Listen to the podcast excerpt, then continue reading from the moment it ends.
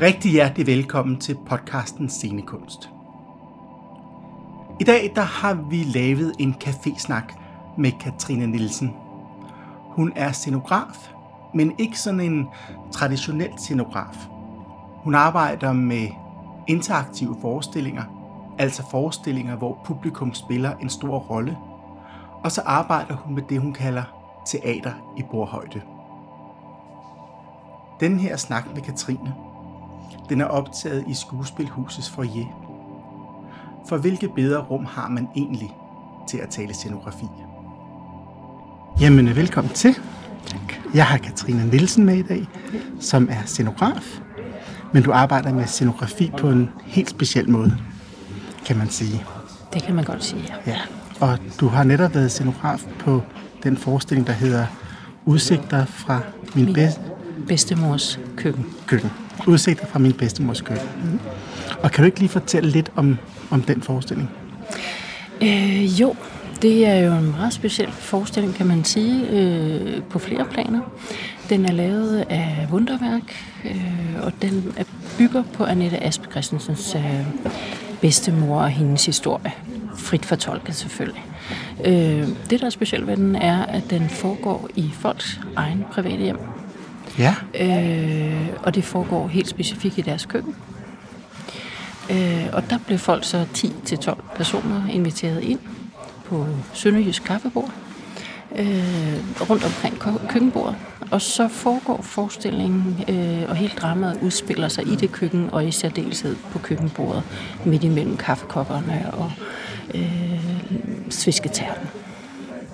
Så hvordan går man til sådan en scenografisk opgave?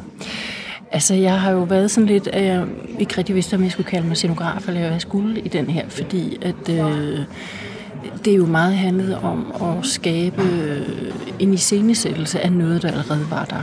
Øh, ja. Det er den ene side af det. Det er ligesom det store rum. Og det lille rum er det, der foregår på køkkenbordet. Øh, og det plejer at kalde øh, bordteater, øh, fordi det ligesom er en lille bitte scene, og tit er det i miniatyr, men det kan også være andre formater, men at det ligesom er koncentreret omkring det. Okay, så du ser egentlig, at der er to opgaver. Der er rummet ja. rundt omkring, og så selve bordet. Ja. Hvordan, hvis vi tager rummet, rummet rundt omkring først, mm. hvordan, øh, det er jo folks private hjem i enden i. Ja. Så hvad gør I? Øhm, altså, jeg er jo ikke med, øh, fordi det er der simpelthen ikke råd til, at jeg også tager med ud. Øh, men da vi lavede det oprindeligt øh, i København, der øh, øh, brugte vi det køkken, der var, og så øh, ændrede jeg det lidt, for at det ligesom fik mere en tilkning over i forhold til bedstemors. Vi vidste jo, hvordan det havde set ud. Ja. Og selvfølgelig ser det ikke lige sådan ud, men for ligesom at få den der fornemmelse af det bedstemor, der flyttede ind i andre folks køkkener. Øh, og det var sådan noget med, ja, inden for film kalder man det set dressing. Altså at vi simpelthen gik ind og ændrede og ryddede lidt op og stylede det lidt. Øh, men det var meget sådan noget med, som både var praktisk, men også var for at skabe en stemning. Det var for eksempel at have nogle bestemte gardiner, så vi havde nogle blonde gardiner, vi hænger op. Ja. Øh, og så var det egentlig og så sætte noget lys. Men meget mere gjorde vi faktisk ikke. Og så havde Annette nogle øh, rekvisitter med, som ligesom havde betydning for, eller har det med. Øhm, og, og så spredte vi, øh, så havde jeg arbejdet rigtig meget med, hvad der findes i et køkken. Ting, der kunne gemme sig i noget. Øh, og vi brugte de køkkenskabe, der var. Øh, der er en lille model af bedstemors køkken med, som, mm. som øh, gemmer sig i en af køkkenskabene, og forskellige andre ting, der står i små dåser. Og, så på den måde øh, blev det ligesom forsøgt at integrere i, i øh, selve rummet. Gjorde du der nogle særlige tanker i forhold til den her yderscenografi? Andet end det skulle ligne bedstemors rum? Øh, Altså det, var, det er jo svært, fordi vi jo ikke vidste, hvad der var for nogle køkkener, vi kommer til. Det ja, første, det er det, jeg tænker på ja, nemlig. Det første køkken øh, vidste vi jo, hvad der var. Øh, og det var nok det mest ideelle køkken, vi havde brugt tid på at få det mest fantastiske. Men, men øh, tanken var jo at lave en scenografi, der er så åben, eller skal man sige, noget, der kan iscenesætte uden egentlig at være en scenografi. Øhm, og derfor var det det her med gardiner noget, der ligesom næsten altid er brug for os, fordi det er rent praktisk, noget med lyset, men som også skaber rigtig meget stemning. Ja. Så det var ligesom meget det, der var Okay. Øh, og meget mere har vi ikke. Så har vi en du, som, en voksdu, som følger med, som også er forbundet med bedstemors øh, køkken. Det er ikke den rigtige, men det kunne Den have ligner. været. Ikke? Ja. Og så er vi nede på bordet. Så er vi nede på bordet, ja. Ja.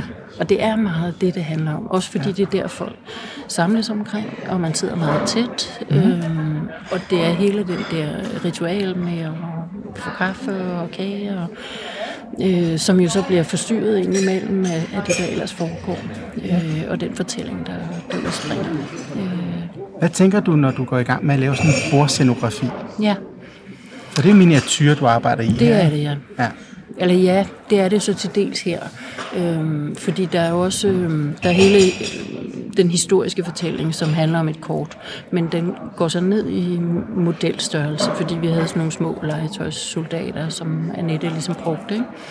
Øh, til at illudere alle de der mange krige, der har været i Sønderjylland. Det handler jo om Sønderjylland øh, og de grænser, der er, og grænseløshed, kan man sige. Ja. Øh, så, og vi havde været ude at researche rigtig meget. Så meget af projektet har faktisk foregået om den research i Sønderjylland. Både i forhold til deres historisk fortælling, men også i forhold til øhm, øhm, ja, de forhold, der har været Ja. i Sønderjylland. Øhm, så, så det brugte vi jo så. Vi, havde, vi snakkede meget om, hvad, hvad der skulle til for at illustrere det her, uden at det blev overillustreret. Mm. Øh, og netop fordi vi hele tiden ville have noget, der forholdte sig naturligt til den situation, når man befandt sig i køkken. Ja. Oprindeligt ville vi have haft en du, som var Danmark, øh, som simpelthen bare lå der som en voksstue. ikke? Ja. Og det fandt vi så ikke med den korte tid, vi havde. Ikke? Så, så i stedet for blev det så nogle øh, kort, som Annette havde siddet og kopieret ud, for ligesom at få, fordi vi fandt ud af, at det var meget svært at finde kort for den tid. Men, øh, men de blev ligesom en del af den research, vi havde været, som blev repræsenteret ved de her kort, kom med ind på bordet. Ja. Og så havde vi så alle de her øh, øh, legetøjssoldater, som øh, illustrerede alle øh, de krige, der havde været ja. øh, igennem tusindvis af år. Og så sidder Annette for bordenden Ja, og fortæller en historie. ja. Ja, hun starter med at fortælle sin egen historie faktisk, Ja. ikke? Øh, og hvorfor hun ligesom har lavet den her forestilling. Øh, og så langsomt så øh, dukker bedstemor op ifølge i kraft af en, en øh, øh, s- lægemstor dukke, som hun jo så spiller. Ikke? Ja. Så så sidder hun der sammen med bedstemor ved køkkenbordet, sammen med folk. Og så er det bedstemor, der tager over. Ja. Så- Hvordan reagerer folk, når man sidder så tæt på? De, øh, altså de, folk bliver meget stærkt påvirket af den, altså der, Ja. der er jo, og, og det er jo også det, vi gerne have ville have. Ikke? Øh, det er meget, meget intimt, øh, og nu er hun jo sådan en, en elskelig størrelse, den her bedstemor, ikke? selvom hun ja. også er en gavtu. Øh, og den forbindelse, der hun, hun bruger meget til de to, der lige sidder ved siden af, eller nogle af de andre henvender sig til folk. Så det er jo sådan meget direkte. Du er ja. simpelthen sammen med bedstemor øh, ved kaffebordet. Ja. Så det er sådan meget, og mange får den der genoplevelse af deres egen bedstemor, eller mangel på samme, eller øh, forestillinger om, eller... Så det, det er, ja, det bliver meget intenst. For du har også arbejdet en del med det her publikums interaktivitet i Ja. forbindelse med forestillinger. Hvordan går man... Man ved jo ikke, hvad der kommer ind ad døren. Nej, Det kan være, der kommer nogen, der er helt stille mm. og helt bange for at være med. ja. Og det, Og det kan være, der kommer nogen, som næsten ikke kan holdes tilbage. Hvordan, øh, hvordan styrer man sådan en situation? Altså lige i det her tilfælde, der er det jo Annette, der styrer det. Ja. Øh, Det skulle hun også bruge noget tid på, øh, og ligesom øh, vende sig til, at det er så tæt på.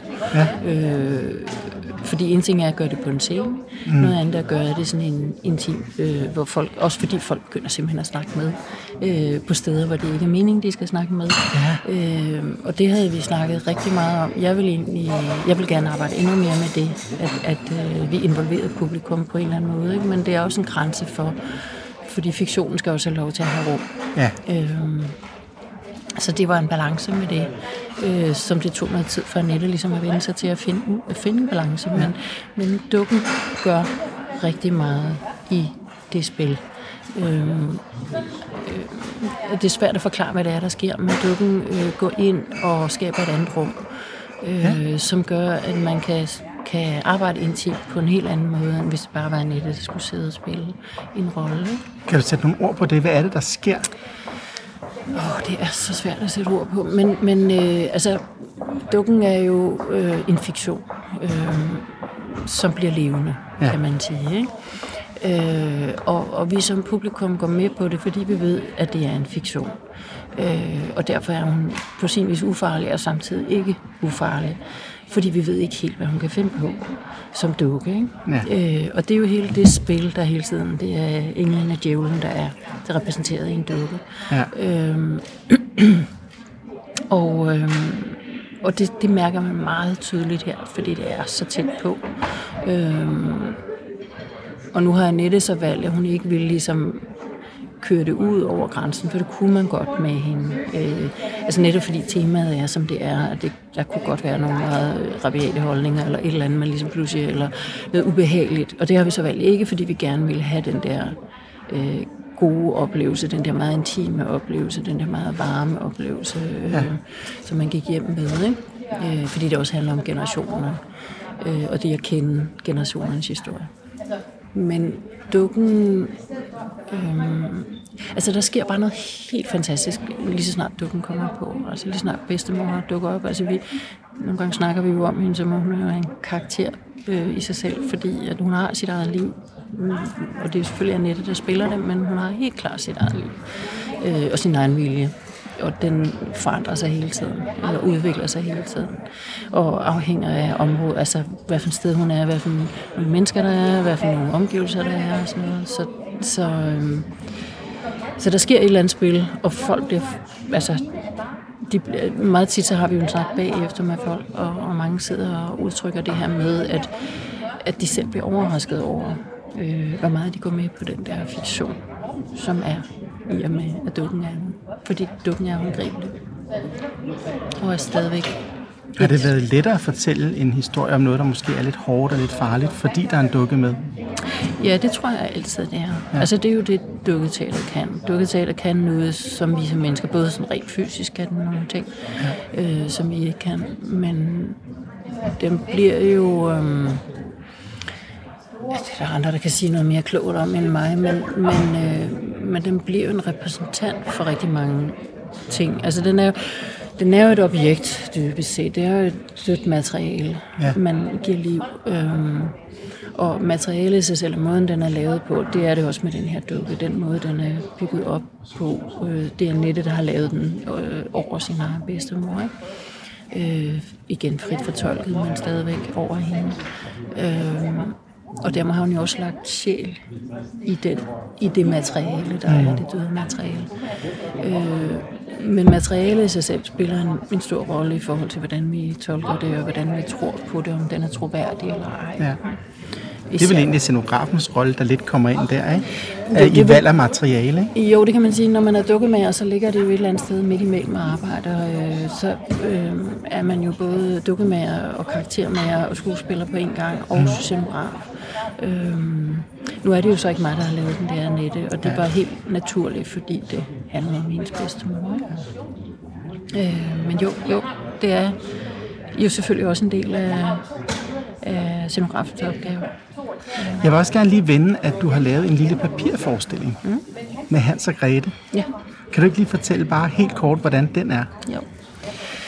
Altså, den startede med, at jeg havde lyst til at prøve teknikken pop-up.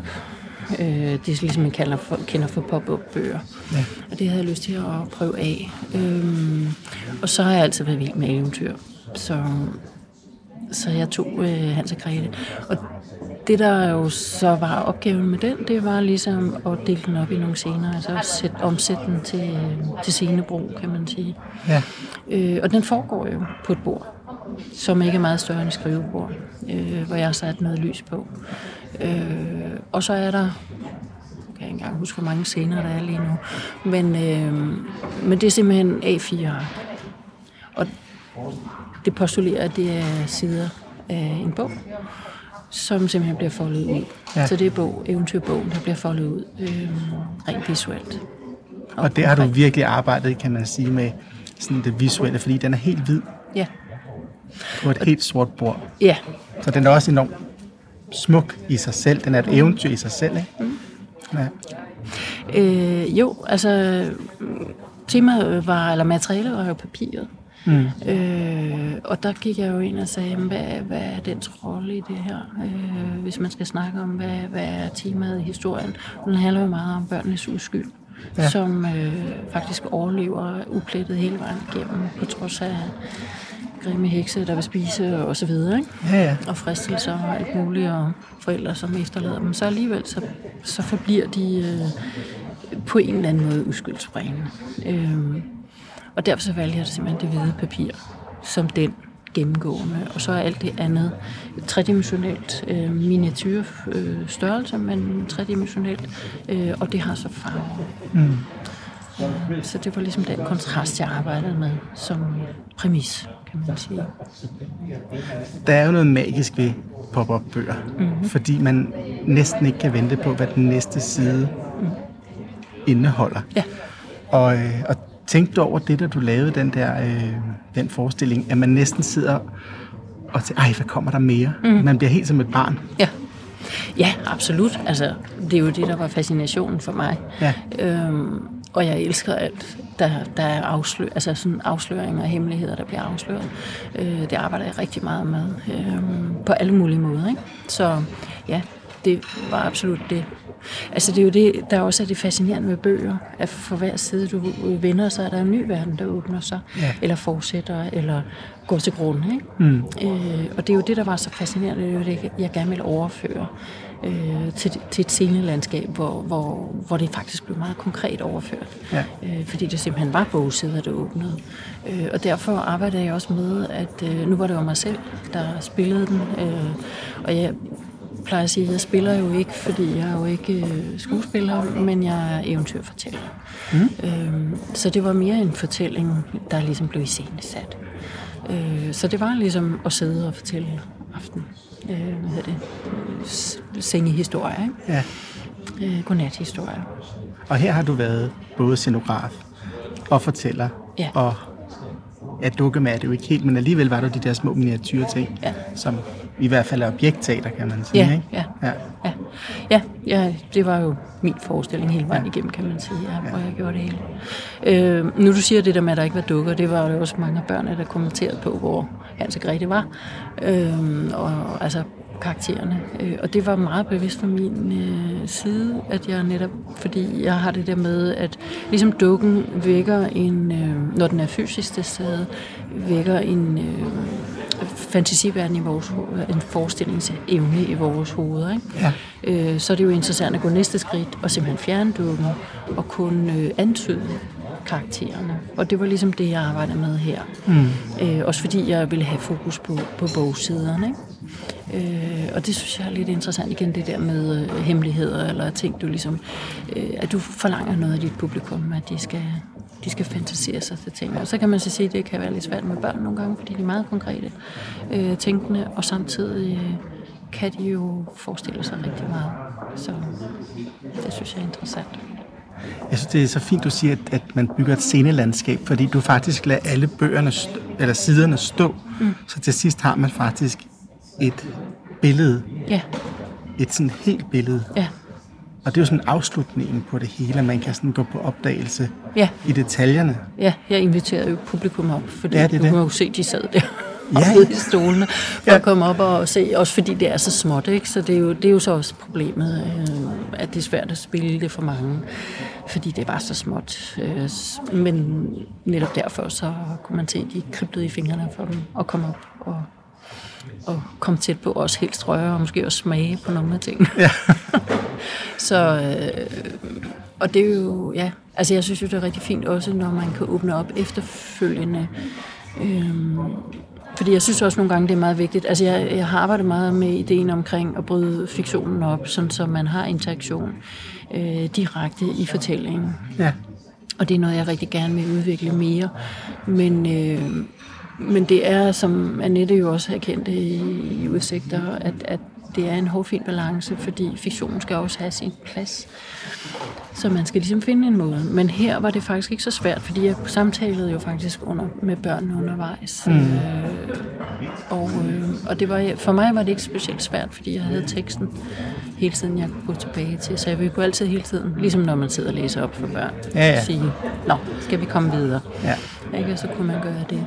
Øh, men jeg synes, det var ekstremt interessant øh, at have den der dialog med dem undervejs, så meget det nu kunne lade sig gøre. Ikke? Her til sidst, så vil jeg lige spørge dig, fordi man ser mere og mere det her sådan lidt, lidt interaktive teater og teater for en enkelt person eller for en meget lille gruppe eller sådan noget. Hvorfor tror du det i vores tid er ved at vinde så stærkt ind? Det handler jo om intimitet, altså at, at man har behov for dels intimitet, og dels øh, kan vi godt lide øh, individuelle oplevelser. Ja. Øh, og det har jo selvfølgelig, det ved jeg ikke, det kan man jo teoretisere meget om. Noget har jo sikkert noget at gøre med, at vi sidder over for vores iPads og iPhones og øh, smartphone og, og computer meget øh, direkte, ikke? så man er blevet forventet med den der direkte interaktion. Okay, så du tænker det der med, at man er blevet vant til underholdning er for min skyld. Så det skal Ja. scenekunsten også kunne rumme. Jamen, jeg tænker også det der med, altså, teater skal jo være vedkommende, lige Ja. meget hvad type teater det er. Øhm, og jeg tror måske, at vores forventning mere og mere er blevet, at det skal være så vedkommende, at det er mig, det vedkommer. Ja. Øh, meget, meget direkte, ikke? Ja. Øh, og det bliver det jo så, når det er en direkte interaktion. Mm. Men det er jo også fordi, det er nyt. Altså, det er jo en ny måde øh, at gøre det på, og teater flytter sig jo hele tiden og flytter tilpæl hele tiden. Ja. Øh, så om nogle år, så er det jo ikke interessant længere. Så er det noget andet. Så kommer der noget nyt. Så kommer der noget nyt, ikke? Øhm, men det er også fordi, at interaktions, altså publikums interaktiv teater er svært at gøre for store grupper. Hmm. Øhm, altså det har jeg jo også arbejdet med, øhm, både i forhold til digital øh, interaktion øh, i fysiske rum, og, og i det hele taget, øh, altså hvor du interagerer. Det er jo i virkeligheden at bryde den fjerde væg øh, og gå helt ud. Og ikke bare være totalt teater eller forumteater, men være helt ude, hvor du faktisk involverer publikum. Og det er rigtig, rigtig svært. Og set ud fra et scenografs synspunkt, er det også rigtig udfordrende. Øh, fordi du netop ikke kan vide, hvad folk gør. Så du skal faktisk lave et åbent design. Øh, så du skal faktisk forestille dig, hvad der kan komme til at ske på forhånd. Og så skal du lave en, øh, hvis det er publikum, der skal interagere direkte med noget, hvor der ikke er en mellemmand i forhold til en performer eller en anden, mm. så skal du faktisk designe noget, som folk har lyst til at interagere med, og Ja. ja. giver mening. Og som ikke bare er en ja-nej-klap, men, men som er noget mere end det. Øh, og der har jeg i hvert fald brugt dukketeateret og ja, den dramaturgi og hele dens opbygning, hele den forståelse øh, til at forstå den situation, hvad det egentlig er, Ja. og hvordan man kan arbejde med det, så det hele ikke ligger i designet, men ofte også i øh, på publikums side, og en masse åbne udsagn. Men det vel også noget at gøre med det der med, at hvis scenografi og objekt og dukke og spil og sådan noget bliver ligeværdig, mm. altså, at du kan ikke, at, eller ikke ligeværdig, det er det forkerte ord, men du kan ikke undvære den ene. Nej, Og, og publikum også, mener jeg. Ja. Ikke? Altså, hvis ikke publikum var der, så var der ikke nogen forestilling. Det er der jo aldrig. Nej. Men man kan sige, at de kan jo godt spille på Ja. det nye teater, Ja. selvom der ikke sad nogen i salen. Ja. Forestillingen ville bare være knap så Ja. spændende at Ja, ja. spille. Men i den her interaktiv, hvis ikke publikum var der, Nej, det er jo lavet for dem. Ja. Meget direkte, kan man sige. Ikke? Og det er jo nok det, der er forskellen. Ja. Øh, og det er også derfor, jeg mener, som designer skal du pludselig designe øh, ikke et billede, men en øh, maskine. ja, Mere eller mindre. Ikke? ja, ja. Øh, og, og det er så der, hvor man kan sige, det er en maskine, men måske er det i virkeligheden en dukke, du øh, designer, øh, som du som publikum fører, Hmm. øh, uden at vide, at det er det, du gør. ja. Øhm, og det lyder meget kryptisk, når man siger det, men det er jo fordi, hvis man tager øh, dukken som et meget bredt forståelsesspektrum, øh, så er er det jo simpelthen, at dukken består af nogle tekniske dele. Der er nogle tråde, man trækker i, hvis det er magnetteater øh, osv. osv. Der er nogle ting, der gør, at en dukke lever og fungerer. Ja, ja. Men så er der også alt det, der gør, at den bliver troværdig. Mm. At vi tror på, den er levende. Ja. Og det ligger hos publikum. Eller det ligger imellem dukken og publikum. Øh, og det handler om materialer, objekter og øh, de kontekster, de forskellige materialer har, og dens udtryk og dens fremtoning og alle de der ting, som det også handler om ja. at lave scenografi og kostymer i, i det hele taget. Ikke? Hvad gør man, hvis der er nogen, hvis man møder et publikum, der bare ikke går med? Ja. Tænker du også over det? Ja, altså i sin tid, da jeg arbejdede med digital interaktion, øh, der var, snakkede vi meget om det, fordi øh, det er jo alfa og omega, at du får folk til at gøre det, du har tænkt dig, ja. at de skulle gøre. Ikke? Øh, så der snakkede vi meget om, og det er jo, altså, det er jo grundlæggende en meget, øh, altså meget konkret dramaturgi, vi så pludselig snakker om. Ja. Øh, og der er mange, der bruger spildramaturgien som udgangspunkt, fordi okay. det er meget det samme ikke? for computerspil. Ja. Øh, men for mig handlede det meget om det der, som scenograf handlede det meget om, hvordan man motiverer folk til at gøre øh, bestemte ting. Og da vi arbejdede med det, så var begrebet wayfinding ikke rigtig øh, opstået endnu. Men det er jo i virkeligheden en form for wayfinding. Ja, det hvordan lige forklare, hvad det er. Jamen, det er jo øh, i et rum, hvis du gerne vil have folk til at gå til højre. Ja. Hvordan designer du så dit rum, så folk faktisk både forstår, men også har lyst til at gå til højre. Okay. Øh, så det kan man sige, det er sådan set det samme, som scenografen så skal arbejde med. Øh, og sige, hvordan får du lyst til at gå ind i det rum og gøre noget, og ikke bare... Fordi altså, mange publikummer øh, synes jo, det er interessant, men de har ikke rigtig lyst til at involvere sig. De har ikke lyst til at blotte sig. Ja. Og det er jo det sværeste overhovedet. Det, altså det vi arbejdede med i udsigter for min bedstemors køkken, var jo netop det der med at, komme, at få dem etableret i en situation, hvor de ikke kunne lade være med at interagere. Mm. Eller reagere, kan man sige. Ikke? Ja. Øh, de var så tæt på, så den intimsfære, vi normalt, den grænse øh, var forsvundet. Så de var nødt til at forholde sig til det, der foregik. Men er det ikke også noget at gøre med, at det kan være meget mildt og sådan noget, at man nogle gange sidder super bange for, at man bliver taget op af ørkenens sønder, eller man er inde i en eller anden revy, eller sådan noget, man er bange for, at man skal op og blive til grin, eller jo. blive utryg, jo. eller komme... Det er hvor man tænker, nu flytter min grænse, så ja. det bliver ikke rart. At man netop er i et rum, der at hvis man vil interagere, så skal man sørge for at gøre det behageligt. Lige præcis. Og det altså det er jo også min holdning, og det var det, vi arbejder rigtig meget med. Øh, og det er også derfor, jeg siger, at vi, vi gik aldrig over grænsen med Vestermorgen. blev aldrig ubehageligt eller noget, fordi ja. vi ønskede, og hvis man havde ville det, så kunne man kunne det. Ja. Men det var ikke det, vi ville. Vi ville have øh, den tillid, øh, så de faktisk øh, gav os den, den oplevelse tilbage til rummet, øh, som de selv bar på, øh, som relaterede sig til, til deres bedstemor, eller en eller anden oplevelse, som mindede om det. Ikke? Øh, og det var det, vi ville have. Vi ville, vi ville have, at de ligesom gav noget tilbage til forestilling og lagde noget af sig selv. Og det kan man ikke, som du siger, hvis man hænger dem ud, eller hvis man udsætter dem for, for noget, som er ubehageligt eller utrygt. Mm. Så det er jo min opgave som scenograf i den sammenhæng, er jo øhm, at skabe et rum, som føles trygt, men samtidig udfordrende. Øh, fordi ja. det skal jo være sådan en blanding af begge dele.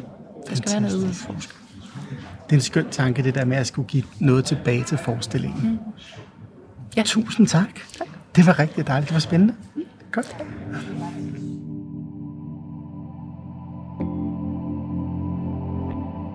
Tak fordi du lyttede til podcasten Scenekunst. Du kan finde os på radiodrama.dk-scenekunst og selvfølgelig på iTunes og alle de andre steder, du hører podcast.